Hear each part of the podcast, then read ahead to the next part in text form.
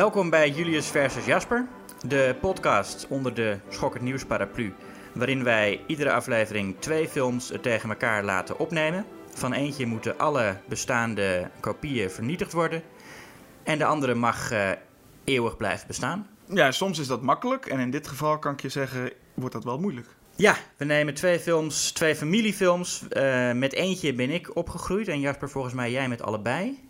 Nee, ik ben ook met eentje opgegroeid ah, die jij ook gaat verdedigen. The Witches, ja. En de tegenstander is dan natuurlijk Return to Oz. Of natuurlijk, dat is gewoon zo. Er zijn wel meer in die categorie, toch? Familiefilms die je ook, nou ja, bijna kinderfilms noemen, die je, nou ja, wel een nachtmerrie kan bezorgen. Ja, en zeker vroeger. We hadden het net over dat wij het idee hadden dat dat de laatste jaren een stuk minder is. Maar uh, misschien hebben we dan ook de juiste dingen niet gezien. Ik heb de kippenvelfilm niet gezien. Maar ik had niet de indruk dat dat nou een film is die kinderen echt uh, nachtmerries gaat bezorgen. Nee, we noemden ook even Harry Potter. Dat kan, dat daar in die, in die serie zitten ook wel dingen. Het is voor kinderen, maar er zitten wel vrij enge stukjes in. Zeker die uh, laatste paar, die ook wat, wat meer op een wat ja, tienerpubliek uh, gericht zijn. die we hadden wel een paar nachtmerriemomenten. Maar een echte horrorfilm voor kinderen zoals The Witches was... En uh, tot op zekere hoogte ook Return to Us. Dat zie je volgens mij eigenlijk nooit meer. Ik ben opgegroeid met The Witches. En heb ook echt daadwerkelijk slapeloze nachten gehad van The Witches. Dus het wordt wel lastig om het daar nou ja, tegen op te nemen. Ik zou niet graag willen dat alle kopieën daarvan vernietigd moeten worden. En ik die film nooit meer mag zien. Maar ja, dat is het spelletje wat we nu eenmaal doen. Ja. Het is niet anders, Jasper. Nee, maar Return to Us vind ik een hele goede kandidaat. En daar kan ik zeker wel het voor opnemen. Zullen we gewoon chronologisch doen? Dat we beginnen met een beetje Return to Us uh, te vertellen? Return to Us is eigenlijk een, een, een, nou ja, een onofficieel vervolg eigenlijk op uh, The Wizard of Oz, die we allemaal wel kennen. Was die film eigenlijk eng? Uh, nou, er zitten wel lekker enge dingen in, zeg maar, voor kleine kinderen. Die, die apen worden vaak als heel eng genoemd. Oh ja, de vliegende, apen. En, en ja, die, die, die groene heks, de, die, die heeft ook wel iets engs, denk ik, als je, als je heel uh, jong bent. Nou ja, we hebben het natuurlijk over de film uit 1939, als ik me niet vergis. En er zit bijna 50 jaar tussen die film en eigenlijk het vervolg. Ze zeggen onofficieel vervolgd van Disney uh, Return to Oz. Ja, het is eigenlijk zo dat vervolg, of nou, Return to Oz dus, is gebaseerd op, op andere boeken van uh, L. Frank Baum. Uh, want die heeft een stuk of 14, volgens mij 14 uh, Oz-boeken geschreven. Waarvan we kennen natuurlijk vooral The Wicked Witch of the West. Maar dat is eigenlijk maar een, een, een soort bijschurkje in dat hele Oz-universum. De meeste mensen kennen het verhaal van uh, Dorothy en dan de leeuw, de uh, Tin Man en uh, de Scarecrow. En deze versie, Return to Us, verwijst ook wel een aantal keer specifiek naar de Judy Garland versie. Want haar, de, de magische schoentjes zijn rood, terwijl die in het boek zilver zijn. Dus dat is door de Judy Garland versie eigenlijk... ziet iedereen die als rood. En dat was omdat in, in Technicolor vonden ze dat zo mooi, die rode schoentjes. Zilver, dat kennen we wel. Weet je wel, we willen, we willen blinkend rood hebben. Ja.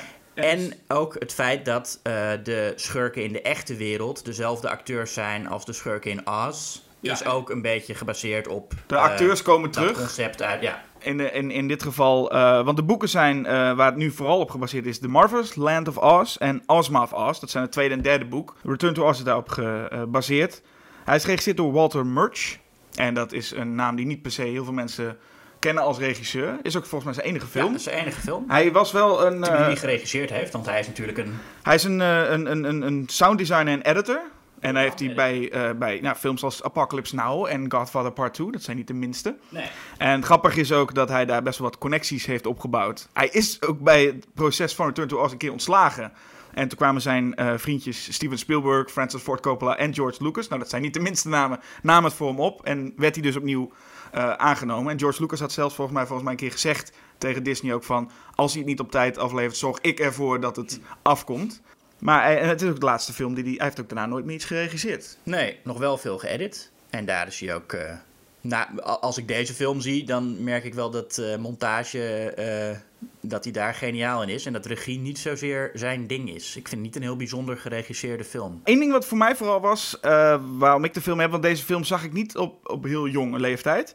Maar wat ik wel op jonge leeftijd zag, was de uh, Japanse animatieserie. Ik weet niet of jij die ooit gezien hebt. Ja. De, en dat was in Nederland, werd het bij de Vara uitgezonden, was gewoon De Tovenaar van Os. En, en hoe ging het liedje ook alweer? Van, uh, ben je jong, ben je, ben je oud? Jong, ben je oud? Ben je doof of getrouwd? Heb je... doof of getrouwd? Nou ja, het was wel zo... Zoiets inderdaad. Nou ja. Misschien moeten we, anders krijgen we copyright problemen als we het hele ding zingen. Oh, dat is waar. Dit mag nog net volgens mij. Ja, hier krijgen we geen probleem mee. In ieder geval, dat was de, de, daar was ik ongelooflijk fan van. Dat vond ik een fantastische serie. Was ook heel leuk overigens nagesynchroniseerd. Dat uh, als je de, de, de grapjes die erin zitten.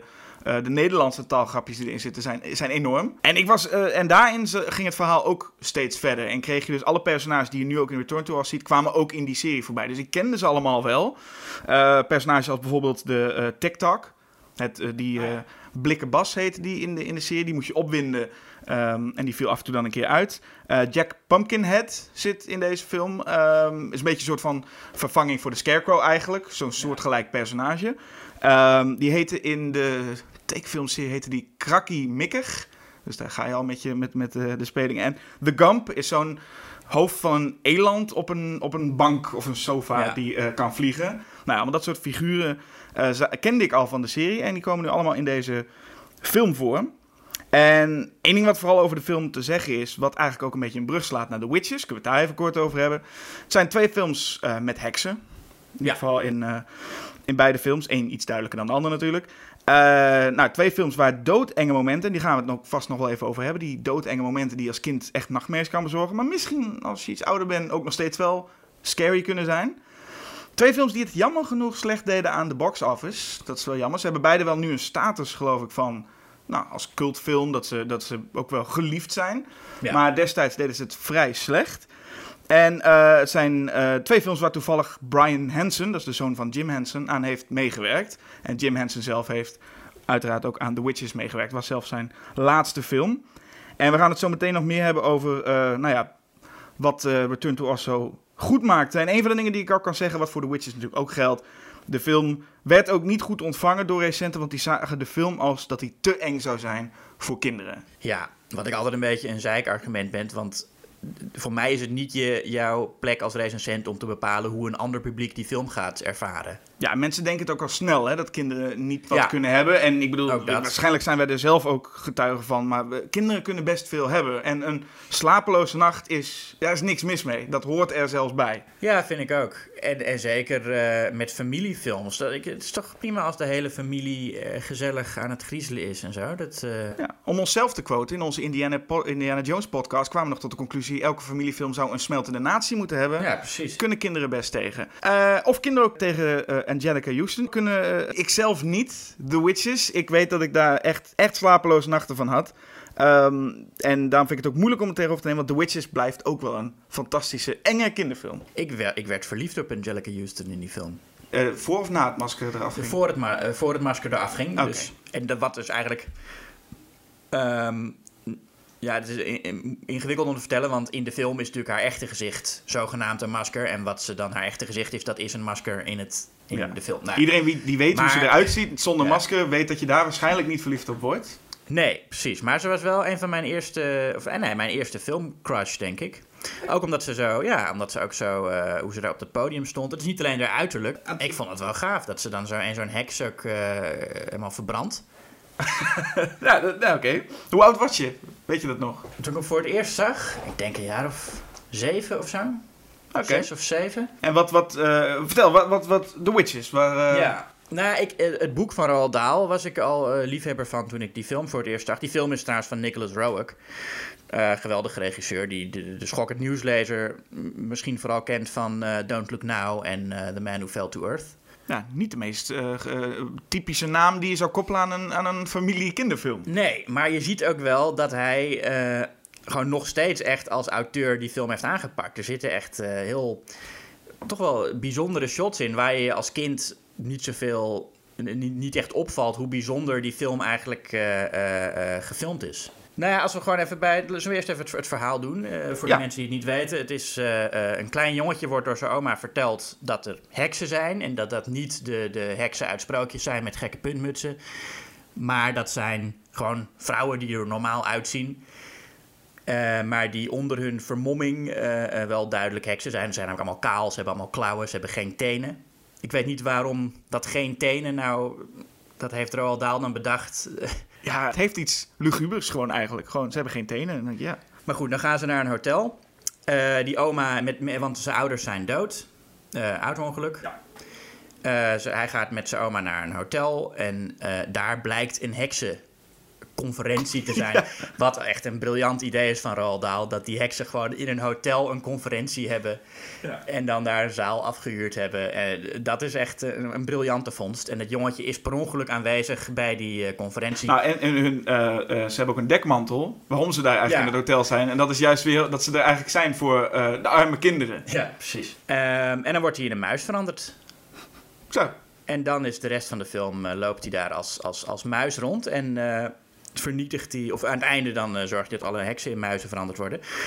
En dan is er nog een toevoeging aan de film, eh, waar Roald Dahl heel ontevreden over was. Want volgens mij vond Roald Dahl het best een goede film, alleen het einde heeft het voor hem kapot gemaakt. Nee, wat ik begreep is dat Roald Dahl over de hele film niet heel tevreden was. Ah. Dat heb ik in ieder geval Oh. eh, meegekregen. En dat is, zit hem vooral in de... Met name het einde. Maar er zit sowieso een, een klein duister randje. En Roald Dahl sowieso schrijft natuurlijk fantastische kinderverhalen. Allemaal met een heel duister randje. Dat zit in deze film ook nog vrij, eh, vrij extreem. Ga bijvoorbeeld eh, de BFG kijken van Steven Spielberg. Dan merk je echt dat daar echt een kinderfilm van gemaakt is. Ja. En hier zie je nog wel heel erg dat duistere randje. Want dat krijg je natuurlijk met zo'n regisseur ook. Maar de- hij was wel ontevreden met vooral het einde, maar ook met überhaupt een paar dingen die gewoon wat softer gemaakt zijn. Ja. In het boek wordt bijvoorbeeld heel erg duidelijk gezegd, eh, en dat wordt in de film minder, laat ik het zo zeggen. Eh, waarom, wat er gebeurt nadat de kinderen allemaal muizen zijn geworden. Ze, ze, eh, haar plan is natuurlijk om ze allemaal in muizen te veranderen. Maar in het boek wordt heel expliciet een paar pagina's ook gewijd aan het feit dat ze wil dat dan al die ouders hun eigen kinderen gaan doodstampen. En dat ze Ja. allemaal vermoord moeten worden op die manier. Nou, daar hebben ze in de film iets, meer, iets afgezwakt. En ik heb het idee dat Roald Dahl vooral een heel zwart gevoel voor humor heeft. Die wil gewoon dat je dat extra benadrukt. Ja, hij is ook wel een beetje sadistisch naar zijn lezertjes soms. Ik bedoel, hij, hij heeft, het is even een ander boek, maar in Matilda, ik weet niet of je dat gelezen hebt, Ja? begint gewoon met een hoofdstuk, en dat doet hij wel vaker, dat hij begint met een hoofdstuk waarin het verhaal eigenlijk nog niet begonnen is, maar waarin hij zelf over het thema gaat praten. Mhm. En Matilda begint met een hoofdstuk over hoe kut bepaalde kinderen zijn. Ja. En dat is echt dat je daarmee een kinderboek begint. En het is eigenlijk heel briljant, want dat is iets wat in de leefwereld van kinderen natuurlijk heel erg aanspreekt. Kinderen hebben allemaal kinderen die ze niet mogen. Ja, en dat vind ik, dat doet hij in, in, in eh, eh, het boek The Witches, of The Heksen, eh, in ieder geval zoals ik hem las dan. Doet hij dat ook heel slim. Want je hebt natuurlijk heksen die kinderen dood willen hebben.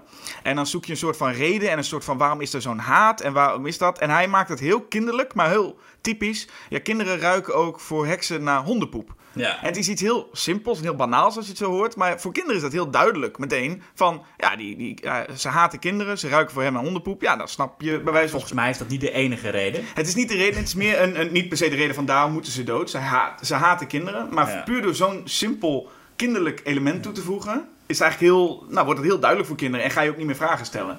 Nee, precies. En hij, en, hij, en hij maakt het echt. Kijk, heel veel kinderboekenschrijvers die enge verhalen schrijven, die willen toch een beetje dat voor kinderen duidelijk is dat het niet echt is.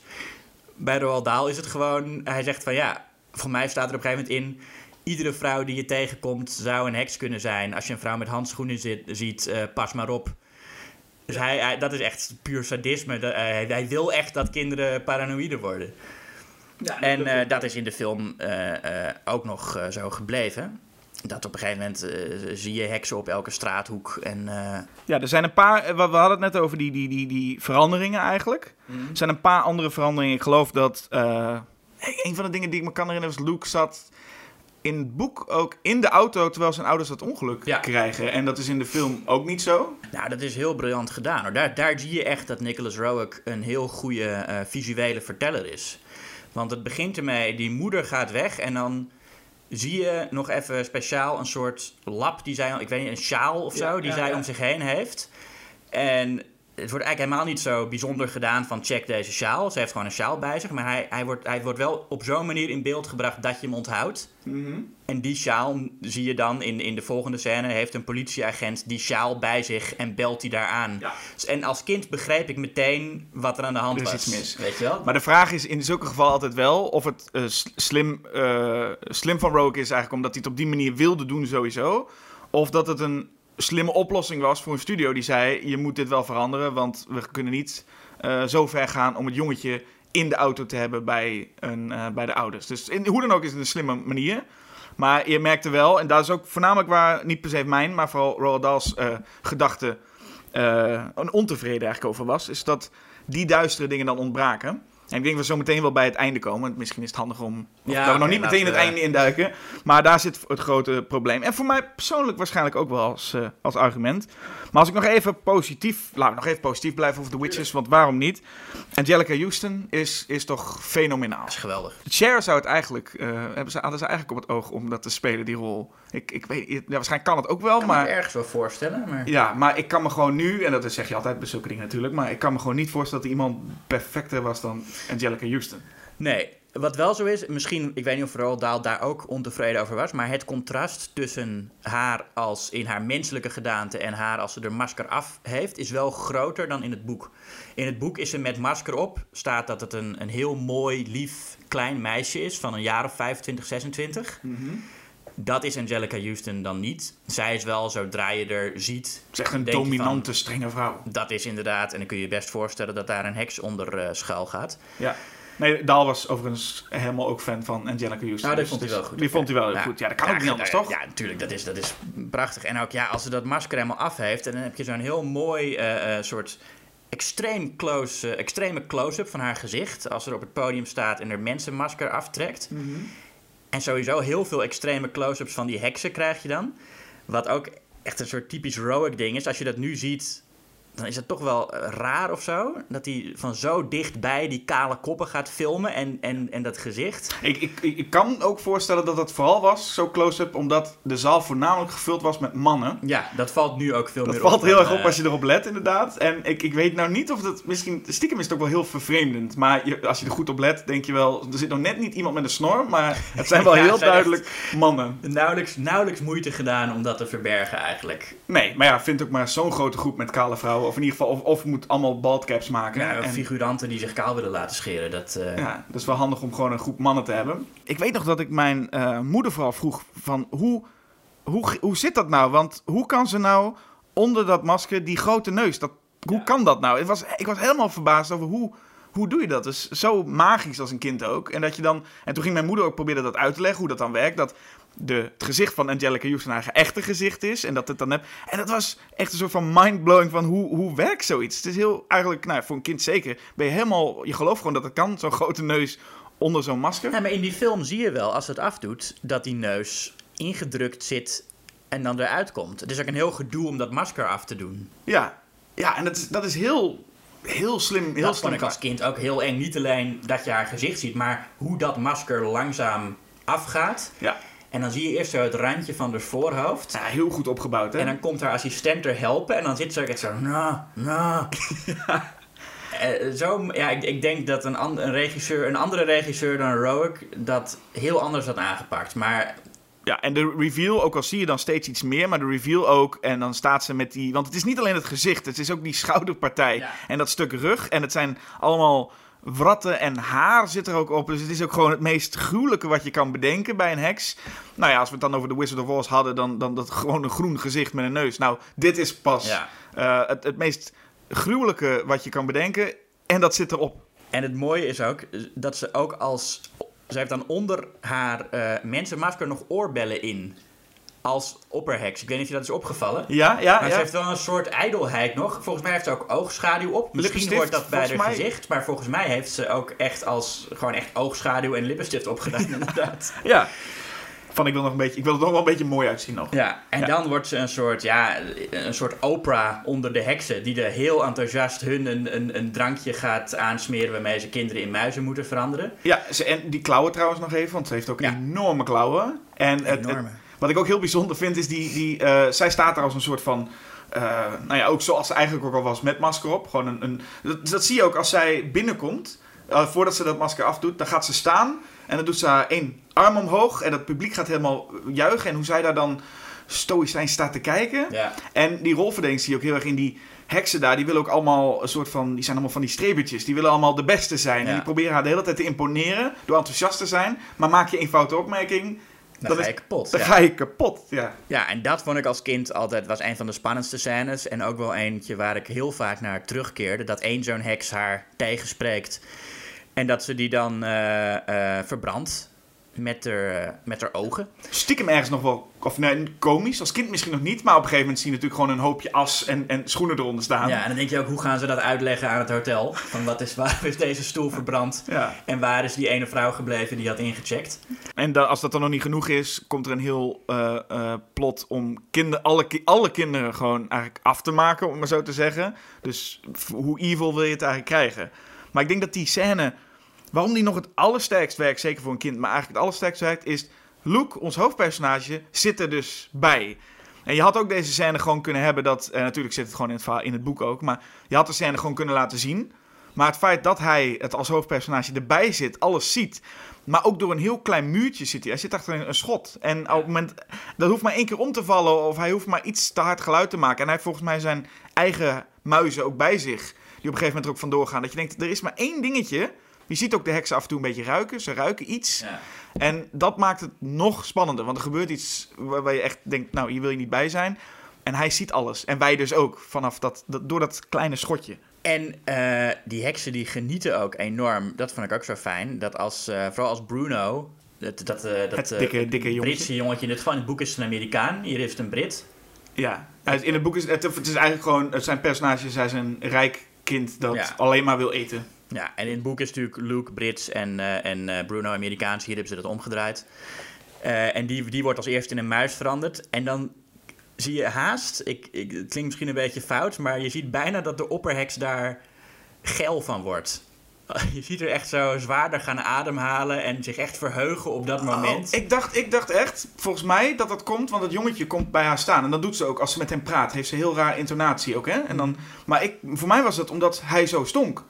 Ja, dat zou... Volgens mij Nou, dat ze zo reageert. uh, Met Bruno die daarnaast staat, die heel van... Come here, Bruno. Maar dat staat hij heel dichtbij. En dat ze echt denkt, oh, ze gaat nu helemaal door de grond. Want ze staat gewoon met een hondendrol eigenlijk bij haar gezicht. Dat zou ook kunnen. Maar Ja, het- oké. als, als hij verandert...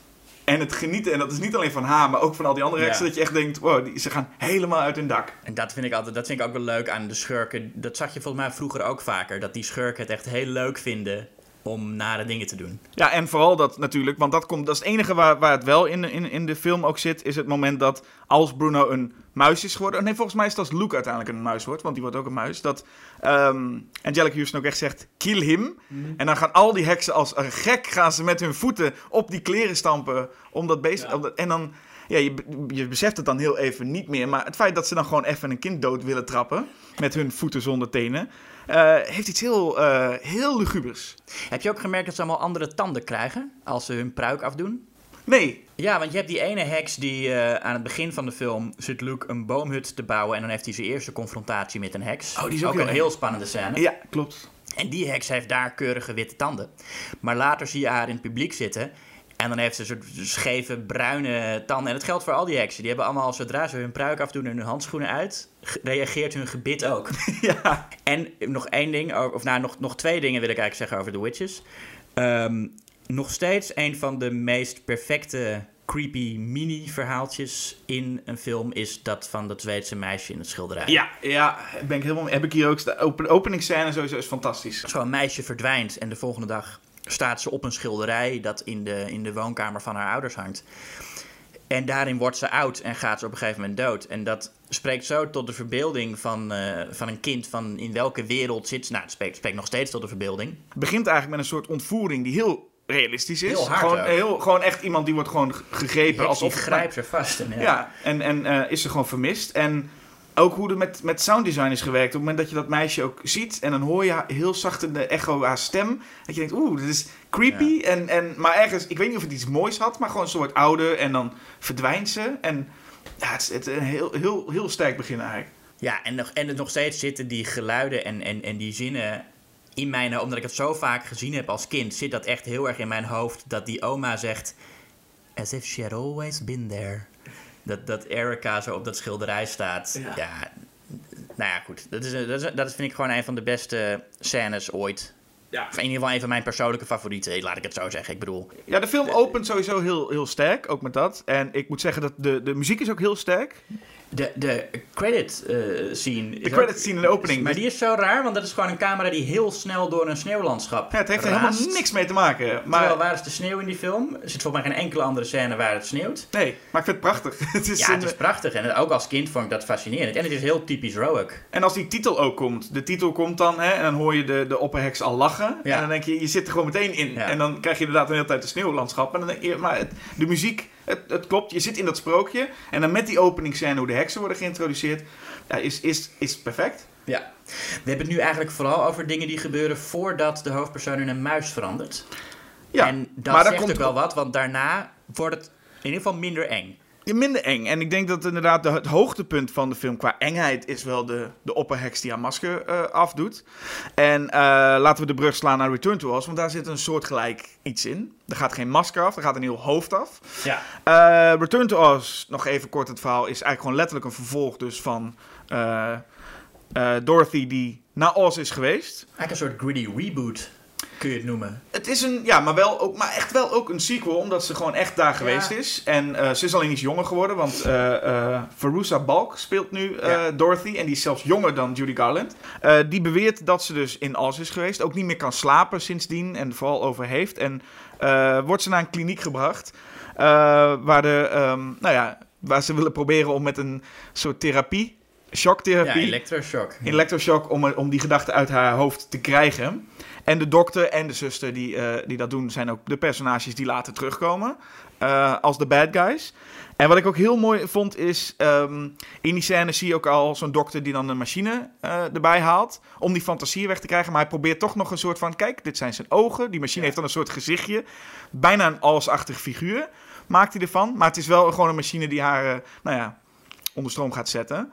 Een vrij, vrij heftige scène ook wel in, dat, eh, Nou in ja, die kliniek. uiteindelijk valt de stroom uit voordat ze de kans krijgen om het te doen. ja, anders hadden we ook geen film gehad. Nee, precies. Dat was maar, het einde van One Flew Over the Cuckoo's Nest en dan, eh, dan, was, dan was het klaar geweest. ja, maar er zit wel een goede dreiging in. En ook vooral omdat die, die, eh, die dokter gewoon een heel goede rol is. En die keert later terug als de Gnome King. Een, een, een stenen ja, koning. En die Gnome King, dat, dat vind ik vooral zo'n goede rol. Omdat die ook als die Gnome King is, heel erg praat zoals je tegen een kind praat. En nou, maar het is niet zo erg. Kijk maar. Kijk Dorothy. Kijk eens, hiermee ga ik je straks onder stroom zetten. Ja, hij heeft iets heel rustig. sympathieks. Ja. En ik vind het toch een heel goede keuze om, zeg maar, de manier waarop een dokter tegen een kind praat, om dat ook de main bad guy, de, de stenen koning, eh, eh, tegen Dorothy te laten praten. Ja, het begint eigenlijk al bij het feit dat hij gewoon naar haar verhaal luistert. En gewoon echt, oh, oké, en toen kwam er een vogelverschrikker. Oh ja, en wat gebeurde er toen? En wat, alsof hij het allemaal... En daarna komt hij natuurlijk met het apparaat te zeggen... Nou, en dan vertelt hij gewoon aan die tante... eh, ja, dit, eh, hiermee eh, gaan we het allemaal wegnemen. Ze wordt echter gered, eh, ehm, Dorothy, ehm, door een klein meisje. En komt weer in... Dit keer niet met Toto, maar met een pratende kip. Komt ze in Oz terecht. Ja, nou, met, met een kip die ze uit de echte wereld heeft meegenomen, die in Oz opeens kan praten. op in Oz ineens kan praten. En in het begin dacht ik nog, ik weet nog dat ik die film eh, zag en dacht, waarom, waarom nou een kip? En toen bedacht ik me ineens, oh wacht, er was iets met eieren. En dat komt dus ook nog eh, weer terug. Eerst komen er een paar elementen als zoals de Flying Monkeys, dat zijn dit keer de Wheelers. Lange eh, mannen op, eh, die ik zelf nooit heel eng vond, maar die worden ook wel gezien als enge Ja. figuren. Ja, het is, er- ze komt dan aan in. Ten eerste, ze ziet dat, dat Oz heel erg is veranderd. Hè? Al, alle plekken waar ze geweest is zijn vrijwel kapot. De, de Yellow Brick Road is niet meer wat het eh, is. Allemaal een beetje grijs geworden, losse bakstenen. Ja. En eh, eh, Emerald City is iedereen versteend. Ja. En dat, da- daarom, toen dacht ik ook van, oké, het is een soort gritty reboot in die zin dat ze terugkeren naar het land dat ooit onschuldig en magisch was, waar met maar een klein beetje duisternis in een hoekje. Maar nu ziet ze dat het allemaal eh, kapot gegaan en veranderd is. Ja, er is iets gebeurd in die Ja. tijd. En ze probeert ook te achterhalen waar is de, de Scarecrow. Dat is eigenlijk haar grote vraag. Waar is, eh, waar is die? En die schijnt dus bij de Gnome King te zijn. Maar voordat ze bij de Gnome King kan komen, want daar wil ze gewoon eigenlijk naartoe in haar onschuld om, eh, om de Scarecrow terug te vragen.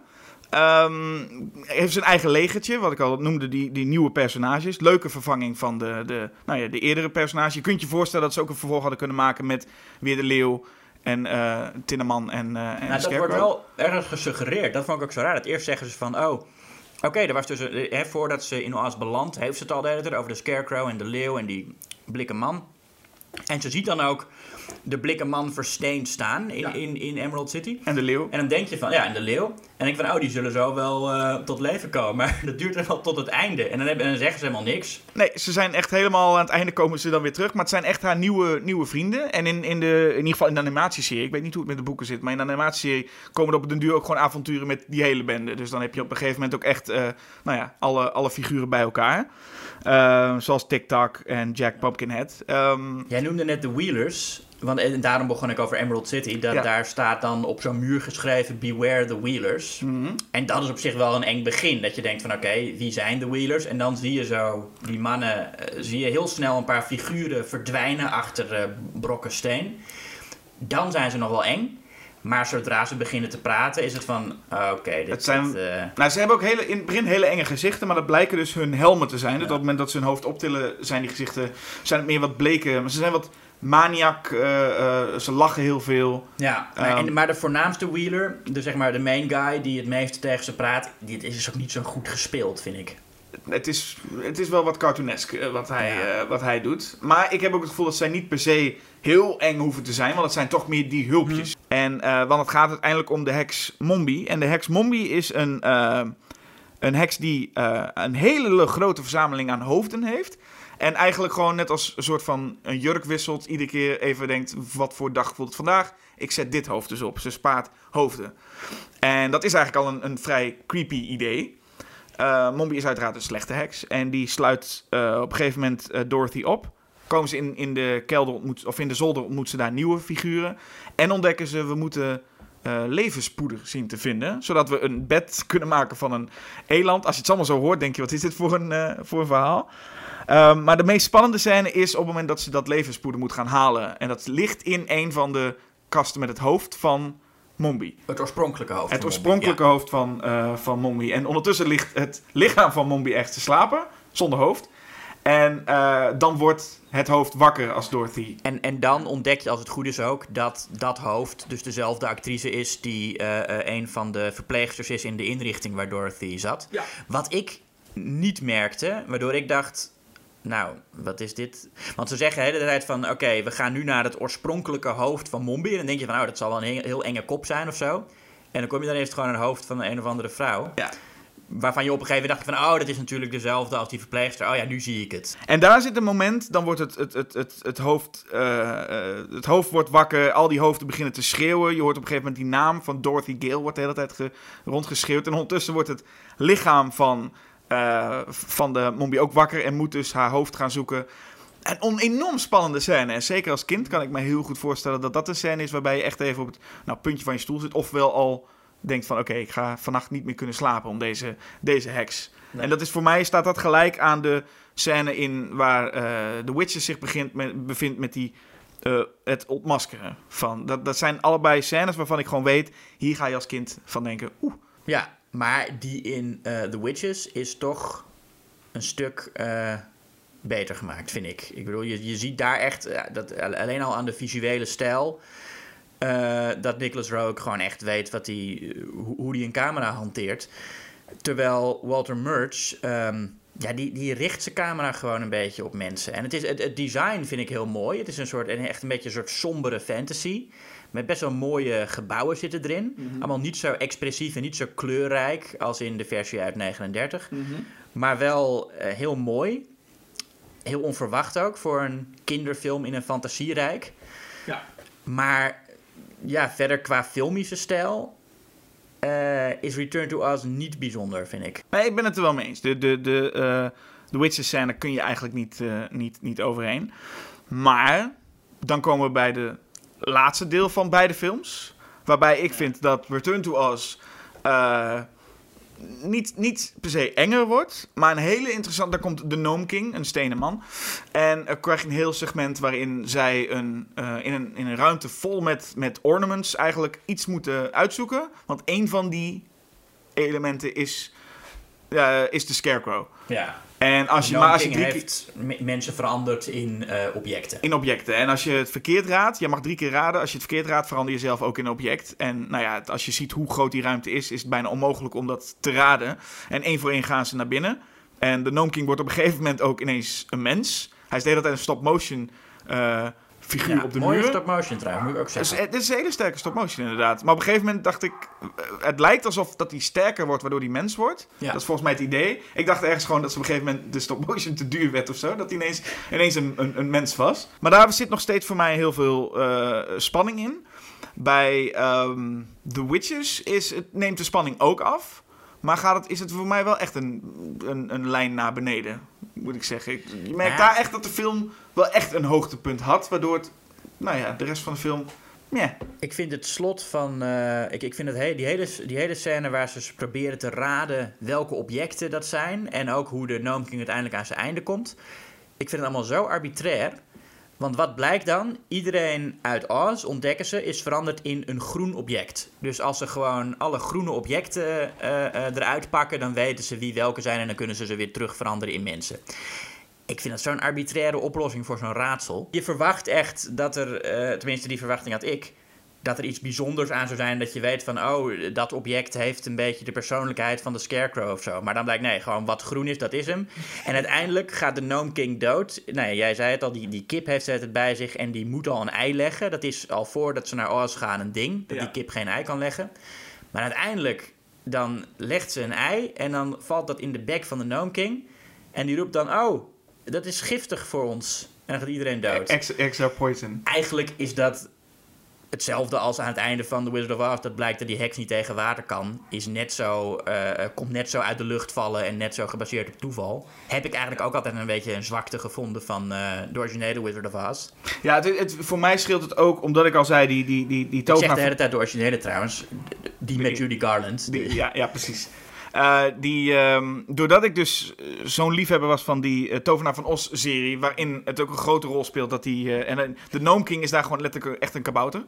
En die, dat die bang voor eieren zijn. Voor mij was het zo'n gegeven dat toen dit in de film was, ik dacht, ja, tuurlijk. Dus eigenlijk inderdaad, ik kan me voorstellen als ik de film met iemand zou kijken die nog nooit gezien heeft. En die in één keer denkt, hij, hij gaat nu dood door een ei. Dat hij dan echt denkt, wat, wat gebeurt er nu? Maar voor mij was het echt heel, ja nee, eh, natuurlijk. Hij, kan niet tegen, hij is bang voor eieren of hij kan niet tegen eieren. Ehm, maar nee, als je het omschrijft. Ja, dat had gewoon eerder gezegd moeten worden dan. Ja, maar er wordt wel de hele tijd gewerkt nadat ze bang zijn voor kippen. En ze willen de Ja, hele tijd, die kip willen ze... Nou ja, da- daar zit het grote ding. Hè, Dorothy is er, maar dat boeit ze allemaal eigenlijk niet zoveel. Maar het feit dat ze een kip bij zich heeft... Ja. Ik vind het wel leuk trouwens dat ze een kip bij zich heeft. Maar ik vind die kip heel irritant. Want die moet een soort comic relief vormen in die duistere wereld.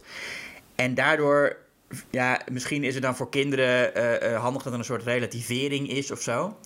Maar dan lopen ze door dat, dat, eh, die Emerald City waar iedereen versteend is. En dan heb je een paar beelden zonder hoofd. En dan denk je van, nou, dat is creepy. Het is ook mensen die in een rondje dansen Ja. zonder hoofd. En dan zegt Dorothy, oh, they've lost their heads. En dan zegt die kip, now that's what I call carelessness.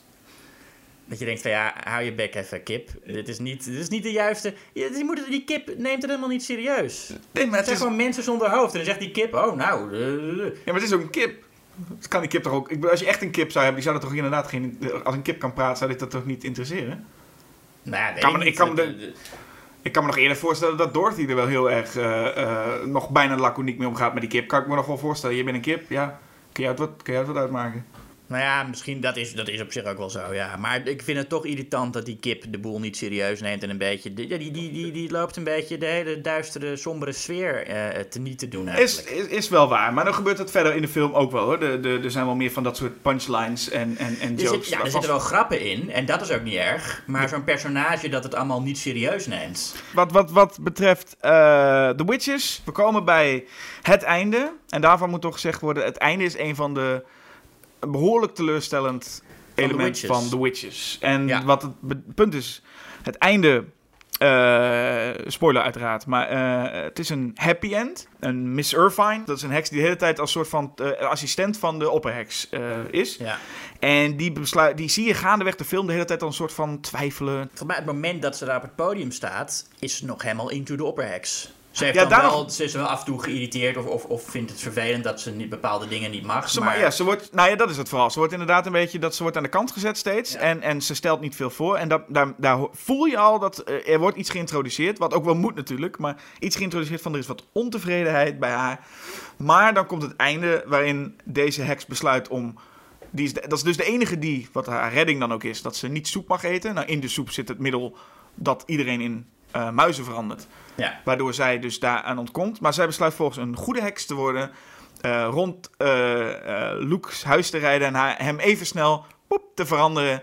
Terug in een jongetje. Ja. Nou, het boek is heel duidelijk in het feit dat oma en Luke als muis gaan op heksenjacht.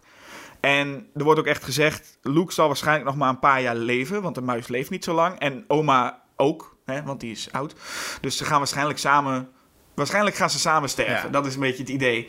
En ik, dat is een mooi einde ergens wel. Het is natuurlijk een, een beetje grimmig wel. Want het jongetje is eigenlijk toch wel heel veel van zijn leven. Is, daardoor eh, is hij door de kwijtgeraakt. Maar het feit dat er nu. Luke wordt veranderd in een, in- terug in een kind. Met een, een beetje een lelijk, lelijke scène, vind ik het ook. Ja, En daarna roept hij de, de, de heks ook nog na. Don't forget Bruno. Dat je echt denkt, oh ja, daar moet ook nog even. Dat, dat, dat, dat dikke Ja. jongetje moet ook nog gered worden. Waarbij je. Daar gaat wel. Het is ook het is heel duidelijk erop geplakt of zo. Want je ziet er ook echt. Het, voor mij is dat echt een, een soort nagedachte geweest. Van we moeten nog een, eh, het einde even veranderen. Er was volgens mij wel een ander einde, maar het testpubliek reageerde ook beter op. Nee, daar moet je ook testpubliek meestal nooit vragen. Maar eh reageerde ook beter op dit mooie einde. Ja, ik snap, het, het- het feit. Het is, op, op, het is ook op alle manieren slecht gedaan. Naast het feit dat het een best slecht idee is, is het ook helemaal niet goed uitgevoerd. Want die heks. De reden inderdaad dat zij niet mee mag doen met het heksendiner... is dat de opperheks zegt... jij moet nog wat dingen gaan regelen, jij eet niet mee met ons. Nou. En dan zegt ze, I quit. En dan is er nog een soort, volgens mij is dat een ADR-regel... die, dus, eh, die, die na de opnames nog is toegevoegd van... ehm, I, I, I never liked this anyway, of zo, zegt ze dan nog. Ja, maar überhaupt die I quit is al, eh, is, is al een bijna uit de lucht. Dat je echt denkt, dit, dit, dit gaat te ver richting, we werken ergens naartoe. Ja. En vooral dat het ineens een goede heks is. Ze doet ook haar handschoen af, uit, Ja. af en, dan, eh, uit en dan laat ze zien, ik heb normale handen. ja, dat is ook gek. Waarom zou een heks opeens eh, normale handen krijgen als ze, als ze goed wordt? Nou ja, dat kan dan blijkbaar, maar dat vind ik ook een rare regel. En hoe ze ineens de magische krachten krijgen. Want ze hebben allemaal goedjes nodig om een, kinderen tot een muis te maken. Ja. Maar terugdraaien kan schijnbaar met wat hocus pocus. Ja, he- hebben goede heksen dan meer magische krachten of zo? Of eh, wat is Ja. dat? Die hele, die, die hele mythologie wordt een beetje teniet gedaan. En het feit dat een heks überhaupt de keuze heeft om goed te worden... maakt Ja. het ook eh, veel discutabeler dat ze alle heksen in muizen willen veranderen. Want sommige kunnen blijkbaar gewoon goed zijn. En het feit dat als je... Zij besluit nu om goed te worden... Maar heeft ze niet alsnog, is ze niet alsnog verantwoordelijk geweest voor het doodgaan van heel veel kinderen? Dus hoe, in hoeverre kun je ineens zeggen, ik word nu goed en dan, Ja. dan ben je het ook. En het feit dat ze eigenlijk alleen maar kiest om goed te worden, niet om morele redenen, maar gewoon omdat ze niet mag meeeten of omdat, ze, omdat de slecht behandelt. Dat is het ook vooral. Het is ook niet dat ze zelf beseft, oh, wat Ja. we nu aan het doen zijn met die kinderen en die muizen, dat is eigenlijk heel slecht. Ze lacht er ook om, ze vindt het goed. Ja. Maar alleen omdat ze niet mag, ze krijgt zijn zin niet en is ze ineens goed. En dat is het. Het is misschien meer dat, eh, om, om, om, om wraak te nemen op de opperheks, dat ze die kinderen nog even terug verandert om haar werk ongedaan te maken. Dan dat ze echt eh, een morele keuze heeft gemaakt. Ja, dus het, het einde. En het, logisch dat Roald Dahl daar in ieder geval heel ontevreden over is. Ik vind verder dat hij, dat hij een hele goede verfilming heeft gekregen van zijn boek. Nou, het einde is wel echt iets. wat- iets eigenlijk moet je hem gewoon uitzetten voor die tijd, heb ik het idee. Ja, ja je, kunt hem, je kunt hem ook best uitzetten voordat eh, die goede heks eh, aankomt rijden. Dan heb je een betere film, denk ik. Ja, misschien gewoon zelfs als gewoon de opperheks verslagen misschien, eh, is. misschien een recut van maken. Ja, ik denk gewoon, want volgens mij wordt eh, Rowan Atkinson is volgens mij de grote held uiteindelijk. Die slaat volgens mij de, de opperheks dood. Ja, nou, de, de, de oma vangt de opperheks onder een kan. Ja, En dan zegt ze tegen hem van, er zit een heel enge muis onder die eh, kan. Ja, en dan zou ik zeggen, misschien niet helemaal goed voor een kinderfilm, ik zou zeggen, Rowan Atkinson slaat, credits. voor mij mag hij daar stoppen. En dan, zou ik nog, en dan zou ik nog een perfecte film hebben. Sterker nog, dan zou ik kiezen om Return to Oz maar in de shredder te doen. Dan wil ik The Witches Fall te blijven kijken. Dit einde zorgt ervoor dat ik toch voor Return to Hmm. Oz ga. Ja, Return to Oz heeft als einde dat ze natuurlijk weer terugkomt in de echte wereld. En hier wordt dan wel duidelijk dat Oz wel echt bestaat. Dat het niet zoals in de 39-versie allemaal maar een droom was. Het is niet heel duidelijk per se. nou ja, Goed, ze ziet in de spiegel nog uh, Ozma, de, de, de prinses van Oz, Mhm. als ze er naar kijkt. En dan vraagt de moeder ook van, eh, wat is er? En dan zegt zij, Dorothy zegt dan, just reflection. Wat een beetje een metaforische zin is van, hè, Oz is mijn fantasie, maar het is wel een reflectie van wie ik ben of zo. Eigenlijk lijkt de film te zeggen, je moet gewoon een beetje fantasie kunnen hebben in je leven. En, eh, en, en mensen die dat allemaal willen, willen uitbannen, die eh, moeten maar weg. Het is ook raar, dat, want die zuster die wordt aan het einde gewoon gearresteerd. Terwijl, volgens mij heeft ze niks illegaals gedaan. Nee. Heb ik althans niet gezien. Nee. En, en die dokter eh, die haar wilde elektrocuteren, die is dood. Er wordt verteld van de, de bliksem is ingeslagen in, dat, in, dat, in die inrichting. En dan zeggen ze, everyone survived, except... Nou, ik weet niet meer hoe die heet, maar die dokter. Dr. Worley. Dr. Worley. Um, he went back in to save his machines. En dan word ik helemaal duidelijk van, oh, die machines, die, zijn, eh, die hebben het gedaan. Dus, Ja, oké. Het probleem van industrialisatie. En het speelt zich ook af in, in, in het begin van de 20e eeuw, of vlak voor het begin van de 20e Het is eeuw. bijna 1900, Ja. wordt gezegd inderdaad. Maar eh, het is wel precies gewoon het eh, noodlot wat de- met die personages ook gebeurt. De Gnome King gaat ook dood, dus de dokter ook. Ja. Eh, zuster, of de zuster wordt gevangen, omdat Mombi ook gevangen wordt. Dus redelijk mooi rond. Ik ben blij dat er in ieder geval een... een nou, ik, ik vond het een alleraardigst einde ook wel. Gewoon eigenlijk prima einde, laat ik het zo zeggen. Ja, nou, ik, ik vind het vooral fijn dat het niet weer, zoals bij Judy Garland, ehm, echt maar een droom is. Want dat, oké, oké, in de Judy Garland versie kun je natuurlijk ook afvragen in hoeverre was het nou echt een droom. Zij gelooft volgens mij wel dat het een droom was, maar Ja. Maar ook weer, het wordt ook weer, dat vind ik wel het fijne, het blijft een beetje nog inderdaad mysterieus. Het is niet alsof Ja. ze eh, Scarecrow en zo ook mee heeft genomen naar het echte, dat ze tegen de tante kan zeggen, kijk hier is die, zie je wel, het is allemaal echt. En nou ja, dat, precies. als afsluiting kan ik alleen maar zeggen, voor mij zou het The Witches zeker zijn, tot het einde. En ik ga toch voor Return to Oz, ook, vanwege, ook voor die fantastische Farah-serie uit eh, de jaren 80. Ik zou zeggen, ehm, ja, The Witches. eh, ten eerste, Nicholas Roeg is een veel betere regisseur dan Walter Murch. En je ziet ook echt dat het niet, niet alleen eh, eh, de effecten van de familie Hansen. En niet alleen het, het scenario, maar ook gewoon echt zijn visuele stijl. En er zijn weinig kinderfilms die zo erg door hun visuele stijl gedefinieerd worden als The Witches. Ja, dat is, en er zitten ook gewoon echt eh, veel sterkere horrorscènes in, vind ik. Om nog heel even iets van... Dan is Luke net ontsnapt uit die heksenconferentie en dan is hij buiten. En dan is het, eh, ja, op, op klaarlichte dag rent hij daar dan rond. En dan rennen ook al die heksen daar nog, die dan als vrouwen vermomd, is, vermomd zijn. En dan weet je gewoon, ehm, de andere, de, de voorbijgangers, die zien gewoon een jongetje en een paar vrouwen. En wij weten dat het heksen zijn. En dat ze ook gewoon op klaarlichte dag nog dit gevaar in zich kunnen hebben. Is ook, moet ik toegeven, ook een doodenge scène inderdaad, als hij naar buiten gaat. Ja, nou ja, dat soort dingen. eh, en, en daarna vind ik, ja, ik, eh, als hij eenmaal muis is, wordt het minder sterk. Maar er zit ook nog die scène waarin hij dat drankje in de soep moet doen in de keuken. Dat is een heel spannende actiescène eigenlijk.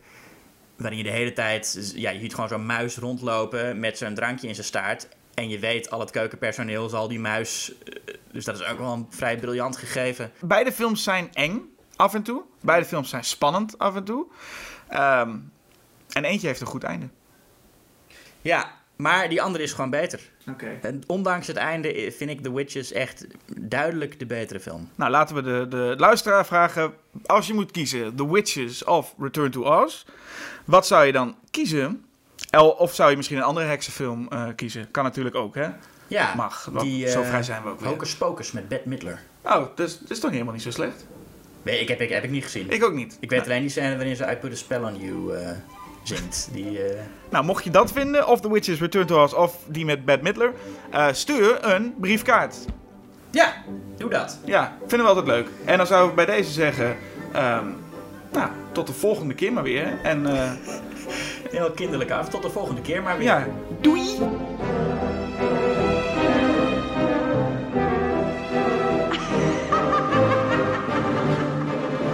Soon, there'll be no one left who remembers Oz.